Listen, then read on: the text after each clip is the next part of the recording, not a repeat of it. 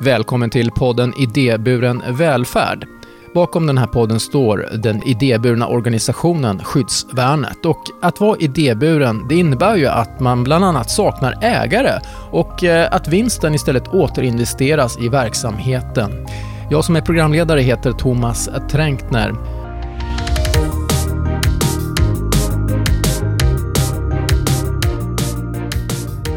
Och idag så ska vi prata om den nya lagändringen som trädde i kraft från den 1 januari som innebär registrering av idéburna organisationer. Och han som ledde den här utredningen om idéburen välfärd, han heter Samuel Engblom och han är med mig som gäst. Hej Samuel! Hej Thomas! Och välkommen till podden Idéburen välfärd. Tack så mycket.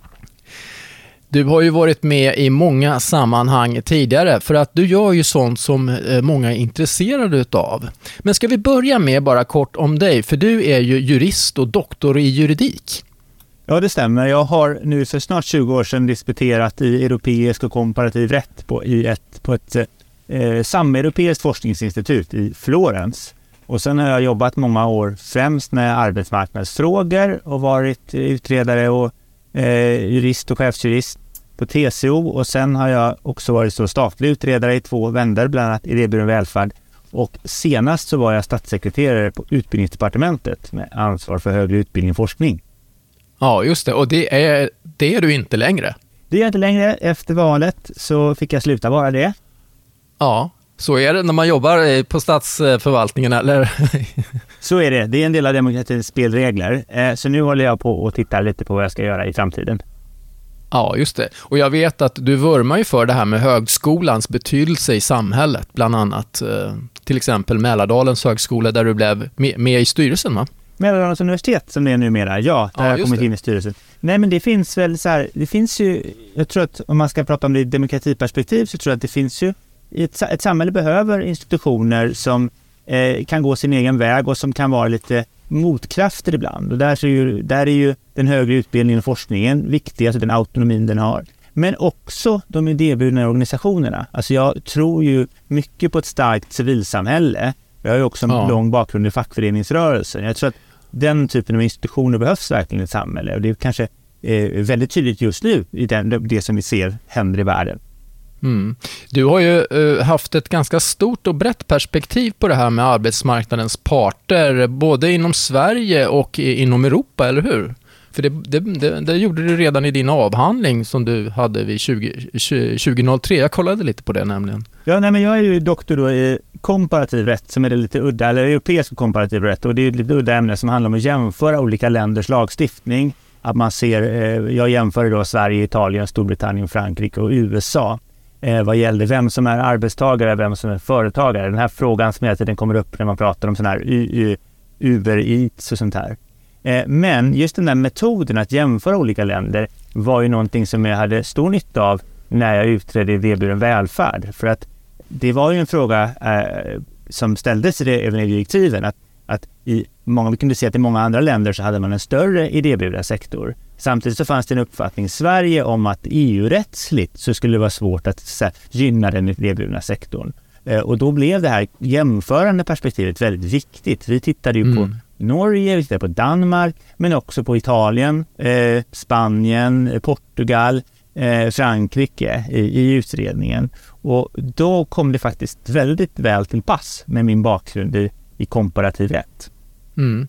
Men vi ska ta oss faktiskt igenom hela den här historien, men om vi börjar där vi är precis idag. Nu är det ju fyra månader sedan eh, den här lagen, snart fyra månader sedan den här lagen tillträdde. Och vad handlar lagen om?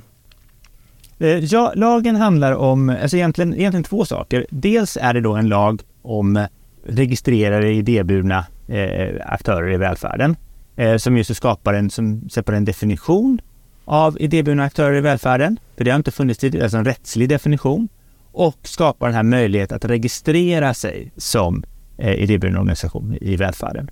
Den andra mm. delen det är då ändringar i upphandlingslagstiftningen och valfrihetslagstiftningen, liksom lagstiftningen och valfrihetssystem, där man då nu då skapat en möjlighet att reservera eh, deltagandet i vissa upphandlingar eller valfrihetssystem till idéburna aktörer. Eh, och de här sakerna kommer då från förslag som vi la i vår utredning. Inte ordagrant, men det är, grundförslagen är de samma. Sen är, blir de ju alltid lite bearbetade i efterhand. De här reglerna de omfattar ju upphandlingar över ett visst värde. Eh, jag läste att det handlar om 7,8 miljoner kronor och det är ju ändå på sätt och vis ganska mycket. Eh, eller är det många som hamnar där? Så här, man kan säga upphandlingslagstiftningen, om vi ta, börjar där, eh, den bygger ju, den är ju en del utav liksom, EUs inre marknad egentligen eh, och syftar då till att vi ska ha en, en väl fungerande inre marknad och, och konkurrens mellan länder och länder ska inte kunna skydda sina egna eh, företag.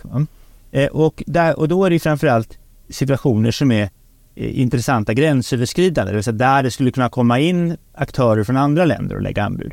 Och därför är det så att upphandlingslagstiftningen, den har tröskelvärden. Så om man tittar EU, vad EU-rätten säger, att under vissa tröskelvärden, där behöver man inte tillämpa den här upphandlingslagstiftningen eller inte tillämpa all upphandlingslagstiftning. Så där har liksom länderna mer frihet. Och sen då kan ju länderna välja sig som vi gör i Sverige, att lägga oss lägre på våra tröskelvärden än vad man gjort på EU-nivå. Så det innebär ju att, att, att, att de här, eh, eh, alltså tröskelvärdet är ju att ovanför det så gäller det då mer strikta regler och under dem så finns det då ännu mer frihet för eh, den upphandlande myndigheten. Mm. Om vi, om vi tar eh, den upphandlande myndighetens perspektiv. Vi har ju en väldig massa myndigheter, och egentligen då kommuner och, och eh, organisationer. Vad skulle du vilja se för, för handling från myndigheterna? Man kan väl säga så här att, att en, när en myndighet, och oftast när vi pratar välfärd så har vi att göra med en kommun eller med en region. Så om vi tänker, som vi tänker oss en kommun, det är nog det lättaste. När en kommun ska ja, vill göra någonting i välfärden, eh, då har de först två alternativ. Ska man göra det här i egen regi eller ska man lägga ut det på en extern utförare? Och den här externa utföraren, den kan ju vara då en, en vinstutdelande utför, utförare eller en idéburen utförande. Och sen så kan man då välja också, ska man göra det här via en upphandling eller ett valfrihetssystem? Och det är egentligen liksom två olika saker. Eh, eller ska man ge bidrag till en aktör eller ingå ett partnerskap för att få den här tjänsten eh, utförd. Eh, och det kan man säga den nya lagstiftningen innebär, det är att när man väljer man upphandling eller valfrihetssystem som det sätt på vilket man vill anskaffa den här, den här tjänsten, så kan man då idag eh, välja att reservera upphandlingen eller valfrihetssystemet till idéburna aktörer i situationer där man liksom kan visa att det, det faktum att det är idéburna aktörer gör att tjänsten blir bättre. Eh, och vi pekar ju då i, i, utredningen på sånt som handlar om eh, att det blir högre kvalitet på grund av att den här organisationen har en helhetstänkande kring målgruppen till exempel. Eller att organisationen har, kontinu den har en kontinuitet. Vi vet att många idéburna aktörer dels har funnits under lång tid, dels är man inte styrda av att leverera ett bra ekonomiskt resultat varje kvartal. Va? Så att i situationer där man kan, kan motivera varför det blir en bättre tjänst om man reserverar det till drivbyrå, då har man liksom den möjligheten också. Så det innebär ju då att eh, nu idag har kommunerna eh, eh, och regionerna och staten ska säga ytterligare liksom ett verktyg som de kan använda för att hitta den bästa anskaffningsformen. Sen jag ska säga att i vår utredning så tittade vi också på det här med bidrag och partnerskap. Eh, och där föreslog vi då ingen ny lagstiftning, men där tog vi fram en handbok Eh, en vägledning till, som riktar sig till idéburna organisationer men också till, till de här eh, eh, myndigheterna. Då ska vi inte prata om upphandlande myndigheter för då är det inte upphandling, men till kommuner och regioner och staten. Där vi gick igenom om man vill göra det här via att man ger ett bidrag till en organisation istället eller man ingår i ett partnerskap. Ja, dels måste man ju se till så att, det inte blir, att man inte lägger upp det på ett sådant sätt att det blir upphandling istället, att det ska upphandlas. Och så måste man också tänka på EUs statsstödsregler så att man inte bryter mot dem. Och där tog vi fram en vägledning. Så där vi klargöra rättsläget istället för att ytterligare då liksom öka de här den, den valfrihet som, som då den upphandlande myndigheten eller den, den, den eh, eh kommunen eller regionen har och liksom underlätta deras samarbete med idéburna aktörer. Hur eh, har det här tagits emot utav eh, kommunerna, ja, alltså myndigheterna. Har det varit något intresse för att eh, registrera sig och, och göra den här typen av eh, ja, upphandlingar? Alltså det ska vi komma ihåg att först det, det, vi gjorde, det jobbet vi gjorde kring bidrag i IOP har det funnits ett stort intresse för när vi kom med utredningen 2019 där. Och, och, och vi vet ju att man har, det har använts ute i kommunerna den här vägledningen. Eh, sen när det gäller då upphandlingslagstiftningen och möjligheten att, registrera sig så är ju det här, som du nämnde tidigare, ganska ny lagstiftning fortfarande. Tyvärr är det så att det är ganska få aktörer som har registrerat sig eh, och det beror då, kanske skulle jag säga idag, på två saker. Dels då att, att de här upphandlingarna av valfrihetssystemen, det har inte kommit igång. Kommer vi se mycket sånt så ökar ju incitamenten att registrera sig. Eh, för man behöver inte vara registrerad för att delta i en sån, men det är det enklaste sättet att visa att man uppfyller kraven på att vara en idéburen organisation, det är att man är registrerad. Sen är det också så att tyvärr att man valde att lägga avgifterna högt. Eh, man kan säga att det finns en princip att när det gäller sådana här registreringar hos myndigheter så ska, man, så ska myndigheterna ta liksom självkostnadspris för det. Och då blir det ganska högt för en liten organisation. Vad kan det, vad kan det handla om? Vet eh, du det? Nu, nu, har jag faktiskt inte beloppen i huvudet här, men den idéburna sektorn har själva sagt att det här är avskräckande. Därför att det är så höga belopp, framförallt för en liten organisation. Och vi sa faktiskt i utredningen att det här borde man göra undantag från den här huvudregeln och liksom subventionera den här registreringen. Men sen det är klart att, att skulle vi säga att det, att det kommer många sådana här upphandlingar, LOV-system, som, som då eh, eh, riktar sig till idéburna aktörer, då kanske det kommer vara att även med den här avgiften eh, kommer det vara fler som vill registrera sig därför att det blir då ett liksom, ekonomiskt fördelaktigt jämfört med på andra sätt visa att man, man uppfyller de här kraven, att det blir det enklaste sättet. Hur ser den privata sektorn på det här då? Har de eh, sagt någonting efter att lagen trädde i kraft? Jag har inte följt den debatten efter att lagen trädde i kraft. Det kan väl vara så att när vi höll på med utredningen så kan man väl säga så att det var ju, eh, det är klart att det finns liksom då så kommersiella aktörer som eh, ser det här som att en del av deras marknad eh, dras undan då. Eh, eh, liksom att, att, att, att, man reserverar då till idéburna aktörer. Och då kan man säga att det är inte nödvändigtvis sant, för säg att det här är någonting som kommunen annars hade gjort i egen regi. Ja, det är, liksom, det är inget nollsummespel på det viset. Men det är klart att där, där och vi vet ju, om man tittar på remissvaren till exempel, så, så fanns det ju från näringslivsorganisationer ett motstånd. Däremot när vi tittar politiskt så upplevde jag att det finns ett ganska brett stöd liksom, eh, över eh, alla typer av blockgränser för eh, att kunna då så att säga, använda den idéburna sektorn på ett, på ett, på ett eh, lättare sätt. Eh, det är ju också en sektor som ofta är liksom djupt rotad lokalt och man har liksom eh, kommunpolitikerna känner till de här organisationerna och så. Mm. Ja, det är en av Sveriges allra äldsta föreningar och organisationer. Jag, vi har ju träffat Ersta diakoni här som har hållit på i långt över 150 år. Så det här är ju verkligen organisationer som har en lång historia. Men jag tänker på det här med det utlandsperspektivet, om vi jämför oss med kanske Norge och Tyskland som du var inne på förut och tittat på. Där är ju andelen eh, idéburen välfärd eh, mycket större än vad den är här. Den är ju väldigt låg förhållandevis. Ja, man kan säga så att det är jättesvårt att jämföra med liksom exakta siffror därför att statistiken brister. Till exempel så hade vi ingen definition av idéburna aktörer i välfärden och ingen, då fanns det, när de registrerar sig och om den registreringen blir heltäckande, då kommer vi kunna plocka fram statistik på ett annat sätt. Men vi drog den slutsatsen att oavsett hur man liksom eh, mäter så, så är det en lägre andel i Sverige jämfört med Norge till exempel och en mycket lägre andel än, än till exempel Tyskland. Eh, men Tyskland kan man nästan säga att huvudregeln inom sjukvården det är ju att det är idéburet och sen finns det en kompletterande statlig del eller offentlig del och en kompletterande privat del.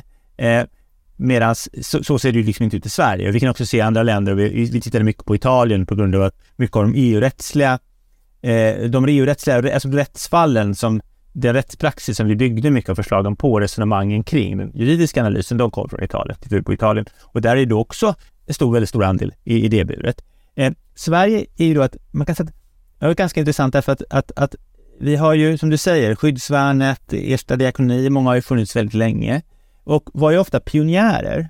Tog fram, vi var de första som eh, tog fram en viss typ av vård eller en viss typ av omsorg. Eh, och ibland så här, visade liksom det offentliga, titta så här kan man göra. Och sen klev kommuner och regioner och staten in och gjorde de här sakerna. Eh, så man har varit pionjärer och, liksom, eh, liksom varit innovatörer eh, och mycket, och mycket då i samspel med, med det offentliga.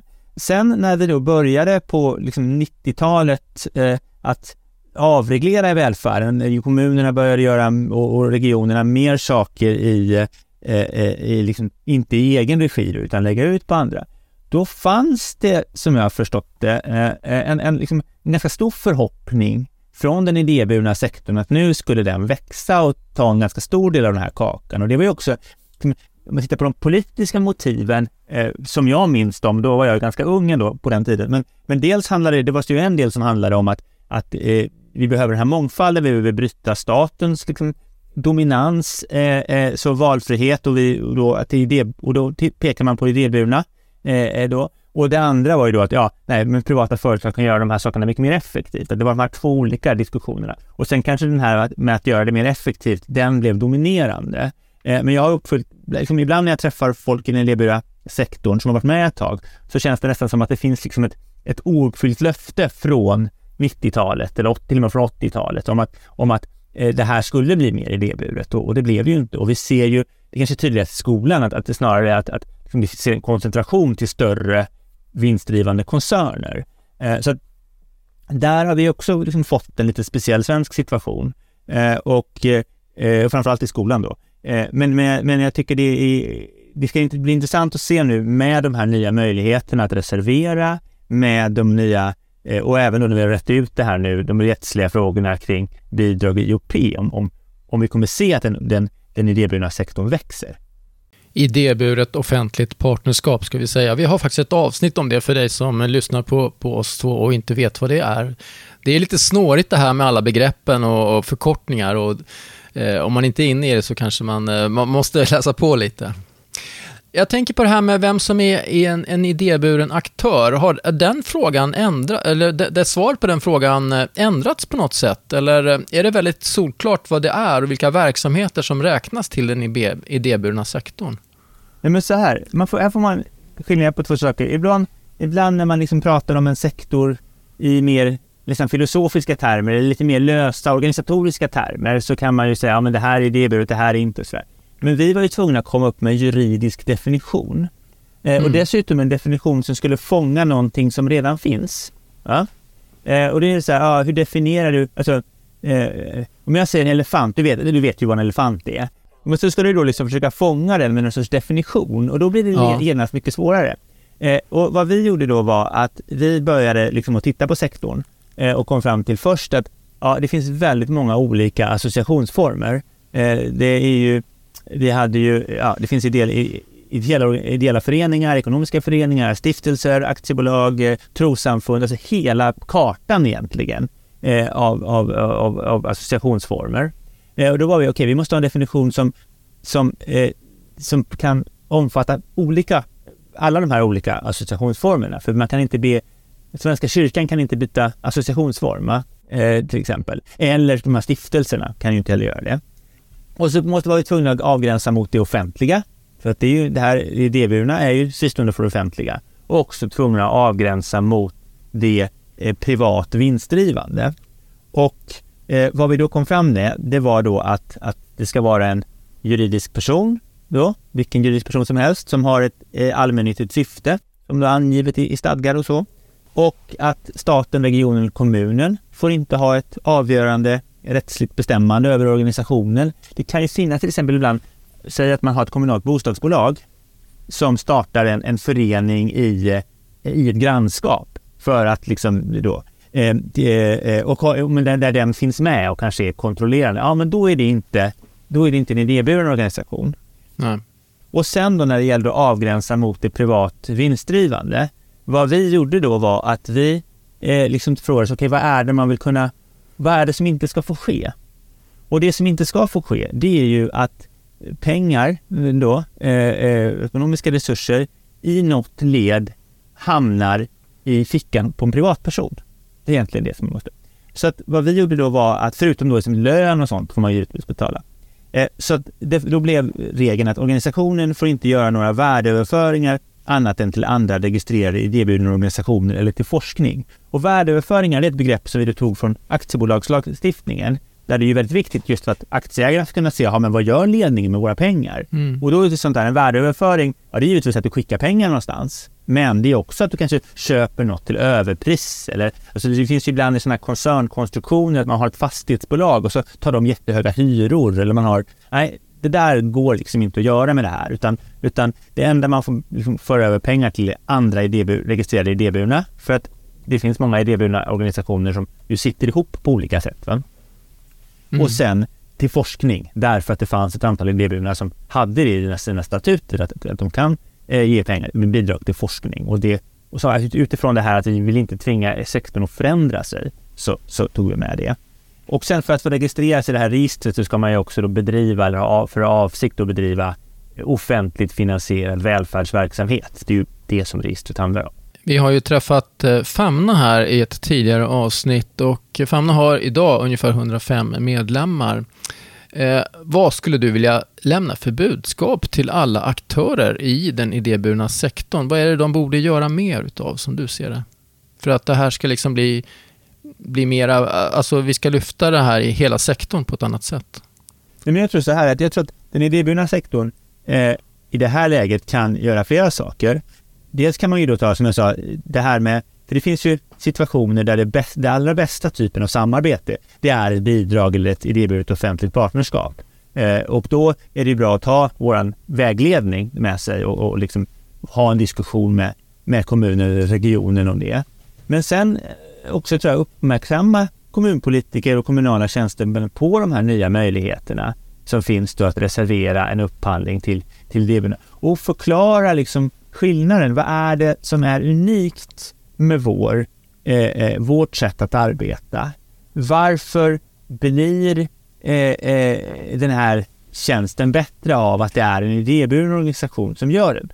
Och det upplever jag att många idéburna har ju den berättelsen. Man, man kan de här argumenten. Men nu är det så här, nu är de argumenten juridiskt viktiga också för att kunna, eh, till exempel om vi tänker oss att en, en, om man vill att man ska rikta en upphandling till, till, till idéburna Sen tror jag det är viktigt också att, att som sagt att eh, riktade upphandlingar får inte ersätta eh, det här med, med bidrag och partnerskap. Jag tänker ta, jag brukar ta exemplet med kvinnojourerna som är ett ganska intressant exempel i det buret, för det är någonting som har kommit ändå på senare år. Om vi pratar mm. det här mm. långa perspektivet som skyddsvärdet har till exempel, så är det här en nymodighet, för att gå tillbaka bara 30-40 år. Eh, och där den idéburna har varit, idéburna har ju varit helt dominerande då. Eh, men sen nu har det kommit in en del kommersiella aktörer också på den. Eh, eh och där tror jag att det absolut bästa sättet att, att, att, att finansiera en kvinnojour, det är att ge den ett, ett, ett, ett bidrag. Vi ingår partnerskap till. Därför att det är så här, verksamheten är en helhet eh, och helst ska man inte behöva, liksom, man ska inte vara beroende av, eh, nu oftast behövs det ett kom, liksom, placeringsbeslut från kommunen för att någon ska få vara där en längre tid i alla fall. Men det är viktigt att ha en sån verksamhet som kan ta folk som akut måste ha skydd. Och sen då finns det kommuner som har börjat upphandla eh, eh, eh liksom skyddat boende som är en del av tjänsten. Ja? Det är inte allt som en, en kvinnojour gör utan det är bara en liten del. Ja, och om man väljer den vägen, eh, eh, vilket jag inte tycker att man ska göra, men väljer man den, ja då kan man, då är det ju typiskt läge att rikta en sån upphandling i sådana fall till eh, eh idéburna. Eh, så att det inte bara blir företag som kommer in och, typ, och, och tillhandahåller liksom en säng och en låst dörr. Utan, utan det är viktigt att det byggs in, att det där är ett tydligt exempel på hur eh, det är en skillnad på det är den lilla delen som kommunen ska betala, alltså skyddat boende som de är skyldiga att tillhandahöra. När den kommer in i en stor helhet så blir det något helt annat. Det är väl också en fråga om eh, resurstillgångar och eh, möjlighet att leverera den här tjänsten på, på det ställe eh, som det är tänkt. För eh, eftersom de är ganska små så betyder det förhållandevis, i varje fall om vi tittar på den statistiken som vi har tillgång till, så betyder det också att utbudet kanske inte är lika stort som hos de privata aktörerna. Ja, nej men så här, det, det där ser ju lite olika ut. Så jag tror att många privata aktörer är ju att de får fram en, det kan ju vara, om vi tar det här med skyddat boende, då har det ju varit aktörer som kanske har bedrivit HVB-hem, de har bedrivit flyktingboenden som rör sig mellan olika sådana här, mm. och så har de en, en ledig kapacitet. Men jag tror att där är det viktigt, just också med kontinuiteten, att man, att man, att man då ser till att man, man så att säga, anskaffar den här, liksom, den tjänst som kommunen är skyldig att tillhandahålla, skyddat boende, bör man anskaffa på ett sätt som skapar långsiktighet. Och där är också, och då säger man med kvinnojourerna också, förtroendet i målgruppen är ju jätteviktigt just för en sån sak. Eh, och, och, och, därför så tror jag det bästa där är något sorts långsiktigt partnerskap med kommunen.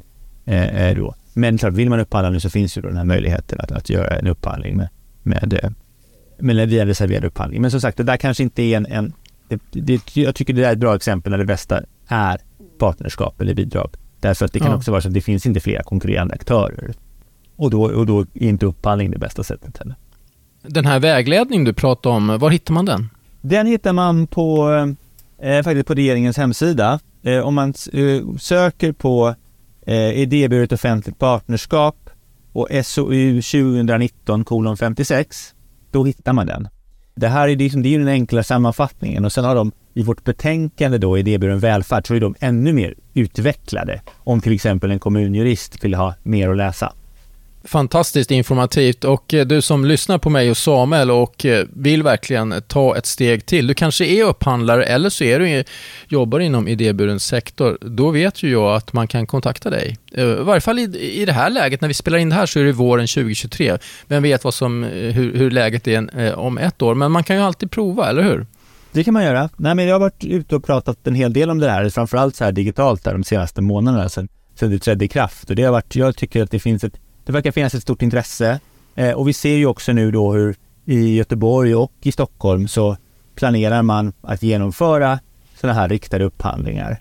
Så det skulle vara intressant att se hur, de, hur man gör det. Hur får man kontakt med dig på bästa sätt? Jag tror man kan, man kan nog söka fram mig. Det går, jag finns på alla möjliga eh, sociala plattformar, så det ska inte vara så svårt. Är det något mer som jag borde fråga dig om den här nya lagstiftningen innan vi slutar?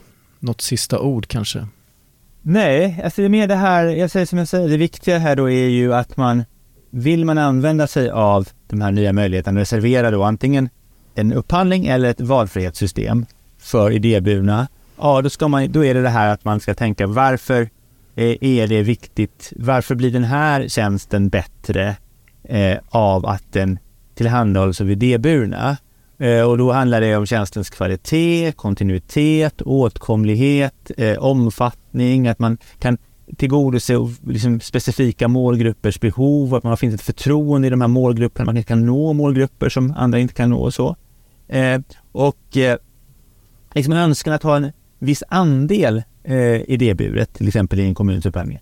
Det är inte skäl nog eh, eh, och det är inte ett argument, utan man måste kunna säga varför blir det bättre? Varför tror vi att det här kommer bli, vi kommer få en bättre tjänst eh, levererad om vi reserverar det till idéburna, om det är en idéburen aktör som är eh, Och det där tycker jag är någonting som kan vara intressant både för eh, jag, eh, skulle, hade jag varit kommunpolitiker så skulle jag be, eller mitt råd till kommunpolitiker, det är kanske be sina, sina eh, tjänstemän att, att tänka när vi ska göra en ny upphandling. Är det här en upphandling som skulle bli bättre om vi reserverar den till idéburna? Man ställer sig den frågan. Man lägger inte en kvot, utan man, lägger ställer, man ska alltid ställa den frågan.